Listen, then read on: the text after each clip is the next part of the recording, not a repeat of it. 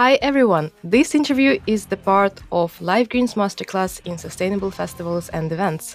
And today with us we have Meegan Jones, who have done really a lot for sustainability in live event industry. Hi Meegan, really nice to have you here. Hi, thanks for having me. It's great. Opposite sides of the world. Yeah, indeed. Yeah, I'm sitting now in Sweden and Meegan is based in Australia, so we're literally, yeah, opposite sides of the world now. Uh, you have really a lot of uh, great titles and achievements, and uh, let me just try to summarize them. So, you are a sustainability professional, first of all. You are the author of three editions of the book that's called Sustainable Event Management A Practical Guide. You are also a technical director of boutique sustainability consultancy Greenshoot Pacific, uh, which has uh, a specialty in live event production center. Uh, you are also a technical director of boutique sustainability consultancy Greenshoot Pacific. And you are also a founder and board member of Sustainable Events Alliance, industry association for sustainability in event management. And finally, you are involved in Institute for Sustainable Events. So that's a really, really inspiring list indeed, uh, especially for me who works also in this industry. And uh, just wanted to check out, did I forget anything?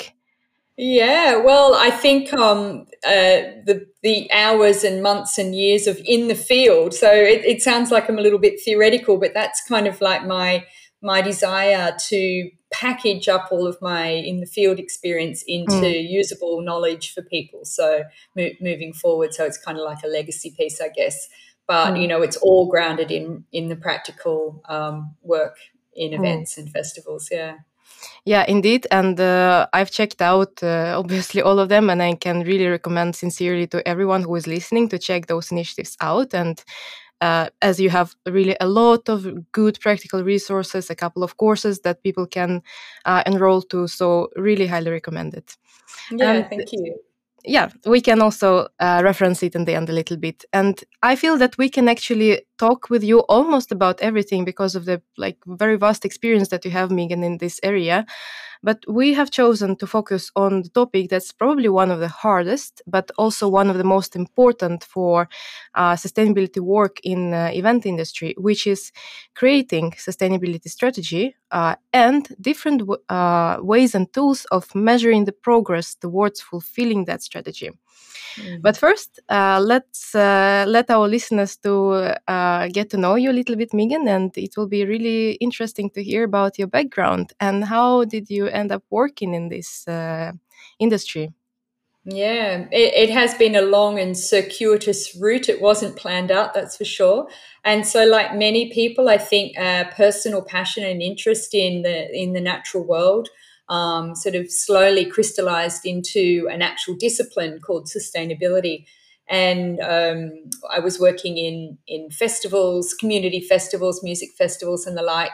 And also, I was actually working in um, in radio. Funnily enough, mm. uh, a, a, media outlet, so a, ABC radio and TV. And so we're doing lots of festivals and uh, you know outreach, etc., with the community. So there were lots of different touch points. And slowly, um, I brought my personal interest around sustainability into play in, in the in the projects that I was working on, and it it became more and more specialized um, as I went through. And and I guess yeah, learning on the job. Um, at that point, there you know there was nobody really specializing in this area, and eventually it mm. led to um, being engaged as the first actual sustainability uh, full time person on music festivals in the UK, and that was with the former Mean Fiddler Now Festival Republic.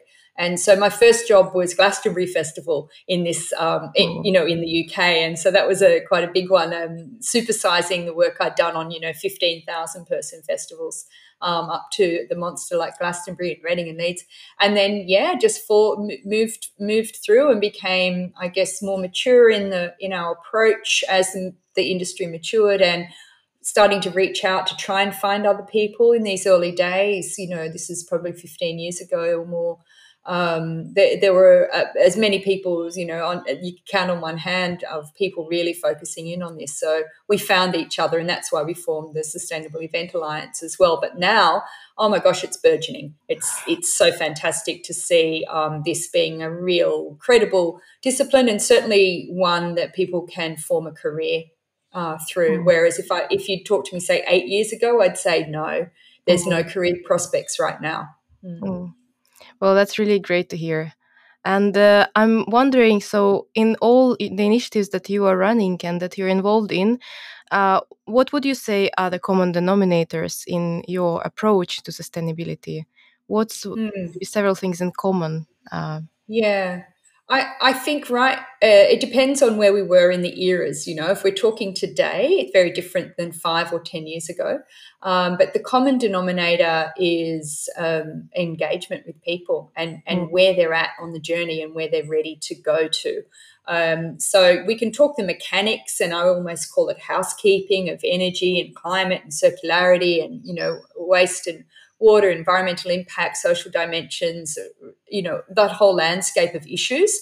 Um, many of the solutions exist. You just need to know really what the questions are. And so the common denominator, I think, is inspiring people to be interested to take the effort that you know sometimes is needed and so my my biggest focus is always on on the people um, mm. you, you, can't have this as an add-on side thing it needs to be embedded into mm. into the team. Yeah, so it's about switching people onto it and making them feel inspired to go on this journey.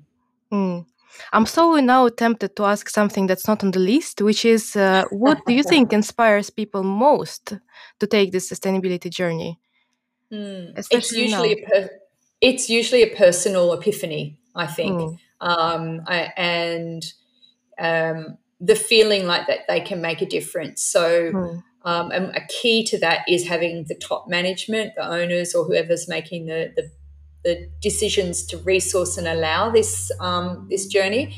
Um, if they feel that they've been enabled mm. and that they're going to be able to do it, and they're not going to be bashing their head against a wall the whole way, then I think um, then that that's definitely a trigger. So it's a personal epiphany Hmm. Um, it could be watching a documentary, having a teenage child uh, come in and, and, give you a big lecture, um, and then uh, or something that you've observed. You kind of have to get there yourself. You really do. I, I, can't sell sustainability. I've never tried to sell sustainability to clients. I wait until they're ready, um, hmm. and then I'm ready to help.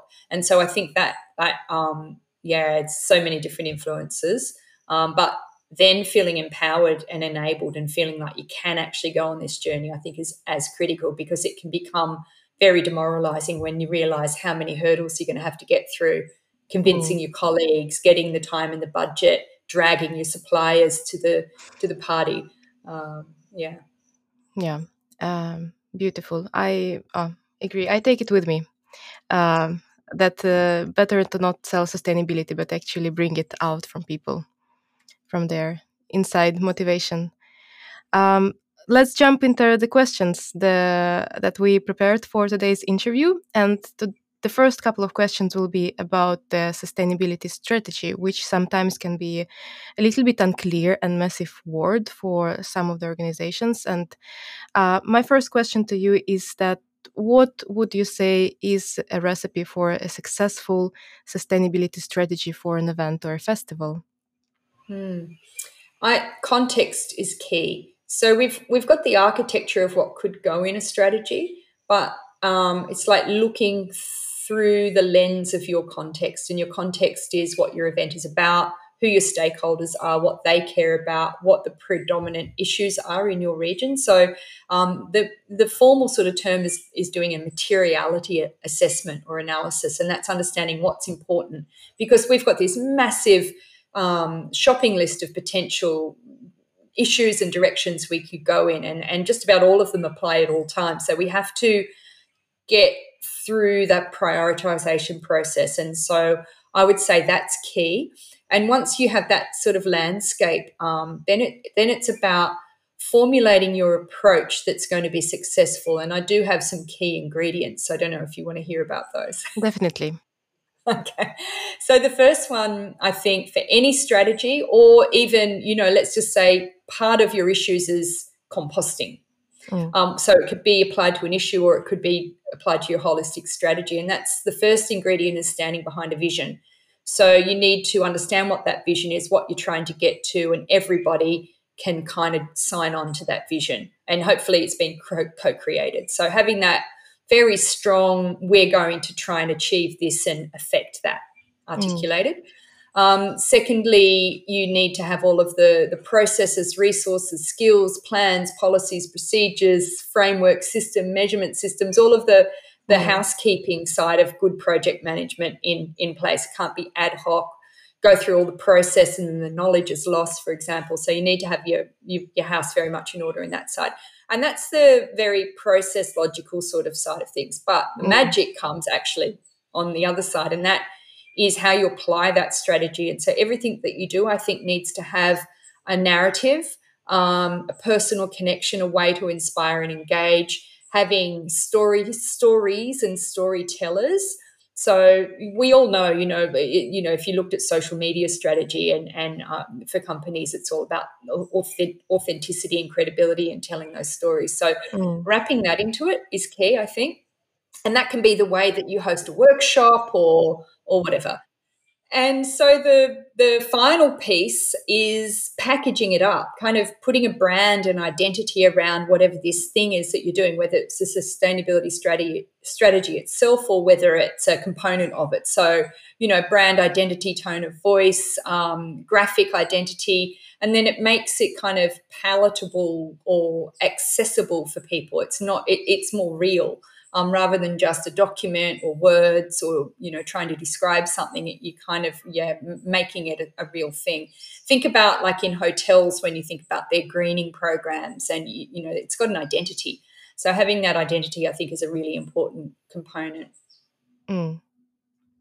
um, a follow-up question on this uh, and i think you have already touched a little bit about it on it. Uh, so what i've seen quite often uh, what the events do and not only events but other organizations is that they create the strategy you know they create the vision and they create the beautiful goals and they create some sort of plan. Sometimes it's very long going plan for a decade uh, ahead or a couple of decades.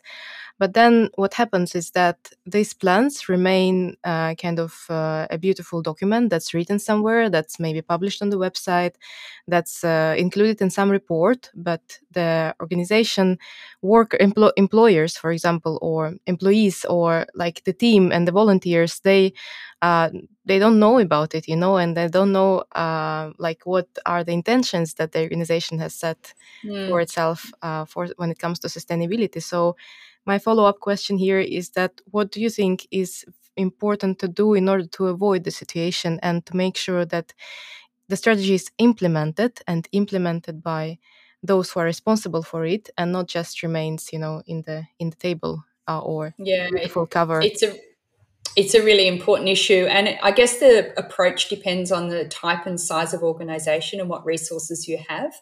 Um, but the key components i would say is um, is con- consistency and continuity. And we I know we're going to talk about management systems coming up, but that's definitely a key component. But again, a management system can be created and then go dusty as well. So um, I think having a consistent champion within the organization or champion. So if your organization uh, shrinks and swells depending on your event cycle, make sure that there's uh, permanent people within the organization that can kind of carry the keys, if you know what I mean. Um, and so then, you know, when you're in in full blown event mode and your your workforce is swelling, you you need to make sure you've got um, induction um, elements and that, that whoever's doing that induction, quite you know, the HR person could be the person that is the keeper of the keys actually, because we know that this is all about engagement. It's about mm. getting the people switched on because we hope that the solutions are there and the co- corporate knowledge is there. So there's that. But um, yeah, keeping keeping that knowledge um, within your organisation so that the lessons learned are not lost. So from a process and project management point of view, that's really important. But then how to access that again, it comes down to engagement. Mm-hmm. And so, in projects that I've worked on that are at a scale, um, I take a bonfire and fireworks approach. So the bonfire is keeping it keeping it burning, um, keeping, you know, by having a sustainability coordinator, that's actually a bonfire. You've got somebody that people are identifying with as the sustainability person. So that actually just keeps sustainability in their face. Um, even an anecdote, you know, when I go into crew catering, suddenly everybody's on their best behavior. Mm. Um, so it's, you know, it's quite symbolic to have that person. Um, but it does it can't just all land on them. And the other one is fireworks moments, and that's planned in engagement eh, um, with, with with with the staff. So you know maybe once or twice in the event cycle, you do something really specific to invigorate them, excite them, and, and get them to have that profound moment around the sustainability issues that you care about. Um, could be a nature based experience with some learning and a workshop. Mm. Um, co-creating is really important so i think yeah even if you actually have the strategy have the answers you know your processes whatever you just need to keep fertilizing the team with the, mm. with the excitement. Um, mm. And and you know, as a sustainability professional, sometimes you've, of course you've got the answer, um, and you can create a workshop, an engagement workshop that gets the participants to, to the answer on their own, and you just help them steer help steer them. And um, yeah, so mm. it's all about engagement. Thank you. Uh, I think one of the things that keeps the bonfire burning is actually a, a measurement system. Uh, and uh, yeah, we're gonna go into this uh, topic now, which is uh, kind of hard, but I find extremely important to help us go in, like to help us measure the progress and see where we are, but also see the result, the concrete result, even if it's not uh, sometimes the huge and life changing, but still, I, I find that seeing this like number of improvement or some like um, yeah. yeah some confirmation that you've done something uh, can really like help you uh, continue going in the right direction. So yeah. here we'll come we will come to the series of questions about performance measurement. And first of all is why do you think generally it's important to measure the progress in some way the progress to your sustainability goals I think without measuring, you can't manage, of course. So you use it to make uh, informed decisions. It's really important uh, for accountability reasons to back up your claim. So around your credibility, um, you can't be saying one thing and not having the proof. Um, on, on the other hand, so um, that's incredibly important. And also, again, back to engagement to inspire people um, involved to make them realize that they're doing a great job and what the effort that they're having to put in is is making an impact. Mm. And what would you say are uh, like the main ingredients of a good measurement system? Uh, uh, how does a good system look like? Mm. we need to have good data quality um, and consistent data flow, but the data flow needs to be simple as possible. And so I I think of um, with sustainability, you've got so many chits or credits with people. And so I don't waste my credits with engaging people on getting them to waste or spend a lot of their time on complicated and painful measurement processes. So I work out what's important to measure and where the the where's the river want to flow like where are the great pathways for for measurements so that um, so that we get great data um, enthusiastically provided but isn't um, going to interfere on on on um, on great delivery of the event. You know, so mm. I hmm. know that um, we're getting to the point where technology is becoming our friend, and I'm really looking forward to the next few years to see where we go. Just speaking to some people this week about um, a, a, platform to include smart bins. Um, and a whole system to be able to automate, you know, waste management mm. numbers. So we need stuff like that, you know. Uh, mm. So I think it's um, important to measure what is going going to be useful um, that people expect you to report on. So, hmm. what's responsible? What's your your duty of care really? Hmm. And mm. and thirdly, you know, let's let's use it as an engagement tool as well. So let's not make the journey too painful for people and switch them off on other areas. Then. Mm. Mm. I agree with that. It can indeed feel sometimes really painful to set up all the system and also f- to follow up on them. And uh, what would indicators would you recommend to measure, like for the festival events? I understand that it um, a lot depends on your strategy and goals that you set up, but are there any like KPIs that uh, you hmm. would actually recommend and you think that everyone should measure, and what are they? Yeah. So um, I think um, from a social impact point of view, it's really important but extremely difficult. So I, will park that. I'll say that if you've got um, a, a, big social dimension to your program, uh, then trying to to work out how to measure that impact is really important and coming up with met- metrics for that is also difficult and i think what you have to do is articulate a theory of change you need to somehow express our gut instinct or our empirically proven from you know phd research that we're drawing on says that if we do that we reckon we're going to have that impact so that mm. can, can then sit as a foundation and then you can go ahead and and go at a, a, quantitative measurement and go, okay, if we had that many people that did that thing, then the likely effect is likely, you know, it could be X. So that's an area that is definitely um, growing, um, and and we don't have a clear way to do that. I'm actually considering doing my PhD in that um, mm-hmm. uh, in the next few years because it's a big gap, but I, I don't have the answer yeah. Um, at all. Uh, so we, you know we're going to see that. I think the the social impact of these sorts of programs across so many different industries, the sophistication improves. So don't be disheartened. Um, that that's a difficult one to measure because you you're absolutely right. It is. When we get down to the more practical elements of, um, you know, environmental uh, um, sustainability or even social elements through the supply chain, we can get more metric driven. And I think the the um, few big indicators climate so looking at your, your greenhouse gas emissions impact and there's a whole deep dive to do on that and um, circularity and materials flow and, and what you're using and where it's going afterwards and how you're helping to close small and large circles um, I think those are very important. You could do a whole piece on food as well, and certainly looking at your purchasing areas and and looking at um, you know inclusive and diverse local and fair purchasing and see how to quantify your success in that area. It mm. really does depend on your event, you know, where your spend is, what your level of activity is, and all the different components. And but I think climate circularity and spending well probably mm. three keys. Mm. Great tips. Uh, one also uh, question that uh, um, we had is about various compliance systems that already exist and that are actually designed to help out uh, uh, organizations and including event organizers to measure their progress.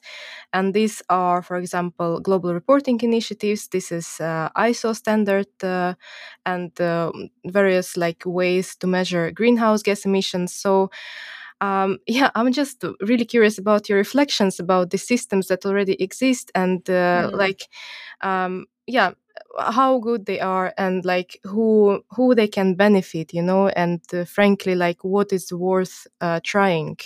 Yeah. Again, it depends on context, the size and scale and type of your event. So ISO 20121 is extremely helpful if you've got a, a fairly complex or event of scale with a lot of moving parts and the potential, like we were saying before, for the knowledge and the systems to get lost and everything having to get relearned again.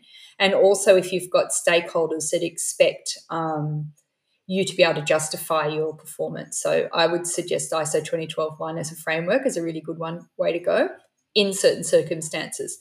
GRI is an excellent um, blueprint to follow um, in terms of reportable. So you know, the whole concept of begin with the end in sight. Imagine your sustainability report. Think about who wants to know about what and what are, what are you um, as what should you uh, be reporting on just as a responsible you know entity in the world and using the um, the GRI, but also the SDGs, the 17 global mm. goals and the sub targets in that, you can kind of cherry pick your chapter headings almost for your sustainability report and then work backwards and reverse engineer actually how does that apply to the project that I've got. And you have to use intuition a little bit in that process, but I think that's the best one. Now, for GRI reporting, you wouldn't be a, an official GRI reporter unless you've got significant resources in your team um, to go down that pathway, you know, fully. But um, a light touch way that you can do uh, is to do a GRI index, and that is simply identifying the, the disclosures or standards around the GRI that you want to use and creating an index and going, okay, this is how we map to that, this is how we map mm-hmm. to mm. that. And don't go through the full, you know, disclosure of management approach and all of the things that GRI requires but a, kind of like GRI light. And I think mm. that's well worth it for many people. Mm. Mm. but SDGs as well, I think, is something we all need to be looking for, looking mm-hmm. to. But don't stop at the, you know, the the icon and life below water and and make up something. You mm-hmm. know, dig in, actually look at the sub targets and see what they're saying, and choose the one that you can really authentically align yeah. with. Like what you know, because otherwise you can gloss over it. It's a little bit greenwashy if you just go yeah, exactly. Level. I think mm. there is like even some term for for like SDG washing, you know, when people just yeah. put this nice icon and then yeah, yeah. we comply with this. But how like uh, uh, I'm just curious, like in practice. So you dig you dig in, in this into the sub goals, and then maybe you pick some that you feel that you can impact, like or address, or like make your contribution to solving this mm. goal. And then like what happens next? Like how do you like follow uh, up on it? Do you have any tips on that? Yeah, well, I think it's it's in your sustainability reporting. It's in your continual improvement plans. Um, the uh, the ISO 20121 process actually suggests that you set up a maturity matrix so you can track through time how you're going. Mm. So a good one would be on um, diversity and inclusion. Um, you know, a project that I'm working on had a, a a couple of projects around this, really good projects, but no formal diversity plan. Mm. And so, you know, if I was to map this on a maturity matrix, you know, year one or moment one would say what we're doing. It's sort of like the ad hoc approach. Mm. The the second phase would be we've done workshops to go right through our whole um, organization and find where DI, DI is DI is um, is um, relevant across the program. Um, so that's a maturity, like, like it's bringing it to life then it's articulated into a plan for that that's mm. the next maturity and then and then actually creating um, programs of action that have mm. got reportable outcomes mm. is the is the final sort of step in that so that that's how you would report on it and that could mm. be across any topic mm. um, that would fit into the gri or the sdgs mm. Uh, what are like maybe the beginner tips that would you would uh, give to festivals and events that are just starting to look at uh, different measurement systems? Like, what mm. are the, mm. maybe the first three steps that you think they should take when considering it? Yeah. So I think, I mean, I'm hoping there's not too many beginners left out there. Um, I think that I think no, like have, when it comes to measure measurement, especially if you take like maybe smaller events and maybe non-commercial events, um, yeah, I would. I haven't seen yeah. a lot uh, of uh, yeah. well, I, I, think I think you can keep it as simple as uh, materials flow, so waste management, reporting on the proportion uh, going. Uh, you know that's circular, circular, so that's not going to landfill or incineration.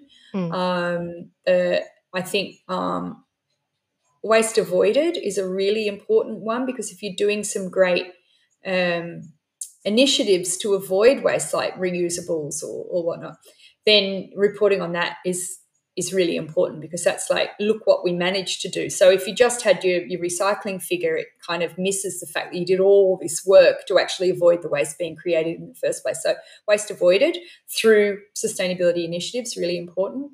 Mm. and then um, absolutely the measurement of the climate impact where you where, where relevant, where you can get the data. So really simple ones, the kilowatt hours of, of grid connect power, mm. um, the, and, and whether what proportion is renewable on that. Um, obviously, generators, you're looking at fuel. And the big tip for both waste and, and service providers like generator providers and venues is to get the reporting requirement contracted into the agreement. Without that, I can guarantee you all you'll be doing is chasing. Mm-hmm. So that is the biggest tip: is get this damn well in the contract um, because without that, you you I mean you, they can still not provide it, but you're there on mm-hmm. notice that you need that data. And don't forget that everybody is asking them as well. And depending on your event size, if they do push back, then there's an opportunity to have legacy and work with them. I've had this recently with a global logistics freight um, company that I work with a, um, a touring event and we mm. move a massive amount of stuff around the world. Um, and last time it was really difficult. I got these really patchy spreadsheets and um, working with them, we're now, you know, they've, they've been inspired to create a whole new methodology, which mm. is now going to go across all of their clients. Mm. Um, so now it's just like, send me the report. no more spreadsheets for Meegan on that one. Mm. Um, so there's a really good opportunity to to work with um, with your supply chain and value chain on this stuff. Mm. Thank you, Meegan. One last question here for this interview, and this is about the future. So, the festivals and the events on the future, maybe like 5, 10, 15, 20 years uh, from now, uh, what do you think and what do you hope they will look like and what uh, role they will play? Will they will we have festivals at all in the mm. in the world that has the changed climate? What yeah, um, so really interesting. I think that we're going to see uh, a lot more risk assessments and Plan A, Plan B, Plan Cs for um, for some events that are affected by climate and increasing um, volatility of, of extreme and extreme weather events. So I was just talking to a PhD student yesterday who um, is well masters and going to PhD on um, uh, the, the that very topic in Australia with bushfires. So the smoke, heat waves, and now massive rain and flood, and how that's interrupting sport. Um, mm. and so I think that that is something we need to keep a close eye on, and we we nobody knows. So mm. that's definitely something to the future. Um, but I think you know with COVID, uh, it's really revealed the absolute necessity for us to um, to gather. Um, and the value of that social social interaction. And so I don't think events are going away anytime soon. Certainly, mm. I think we're going to be more mindful uh, and less wasteful about the way that we attend events and put events on. Um, and technology is our friend. So, in terms of sustainable event management tools and systems and processes, we're going to see increasing sophistication in the way that that happens as our supply chain catches up to service us. Um, and also, I think when we look to the broader community, you know, we're seeing cities decarbonize public transport. We're seeing sustainable, sustainable aviation fuel initiatives. We're, we're seeing so much happening in the world around us as we march towards net zero emissions for, for the planet. Um, a lot of the solutions are going to be, you know, happening in parallel as we move through time. So we're mm. going to be able to take advantage of, of all of that. You know, it's not the event industry's responsibility work to actually get events to net zero by 2050. Um, a lot of the work is going to be happening at, at a much broader mm. broader scale. So we don't need to freak out about that. Also, as events organisers, know that it's moving with us as we move forward through time as well. The sophistication and the solutions. Mm. Thank you, Meegan, so much. Uh, was extremely interesting to listen to you and uh, to your wise advice. And I think uh, our listeners got a lot of useful tips uh, right. now during this half an hour. Uh, I'm wondering if somebody wants to find you or like uh, look at the resources that uh, different in initiatives that you run have on their websites. How can they do it? What would you recommend I them? I think the first thing is LinkedIn, and I will go and check that I've got all my web URLs to all of the various projects on LinkedIn. Absolutely. Um, so, uh, very, uh, yeah, click through. And if there's specific questions to ask, certainly ask them. I don't have the bandwidth to have the sorts of exchanges with individuals where they say, So tell me about events and sustainability. It's like, No, I don't have, it's just too much. I get like 10, 20 people contact me a week on that. So um, I am very up for very specific conversations. So if you've got a burning question or an idea, definitely um, direct mail me via LinkedIn. It's a really good first step. Um, and then I can, you know, uh, recommend you to different places based on, you know, if I can't help you, or if I know there's a project going that's, you know, in that field of interest, then I can definitely hook you up. Mm. Great. Well, thank you so much. Yeah, uh, no worries. really thank pleasure you. to have you here and uh, looking forward to meeting you again sometime in the future. My pleasure.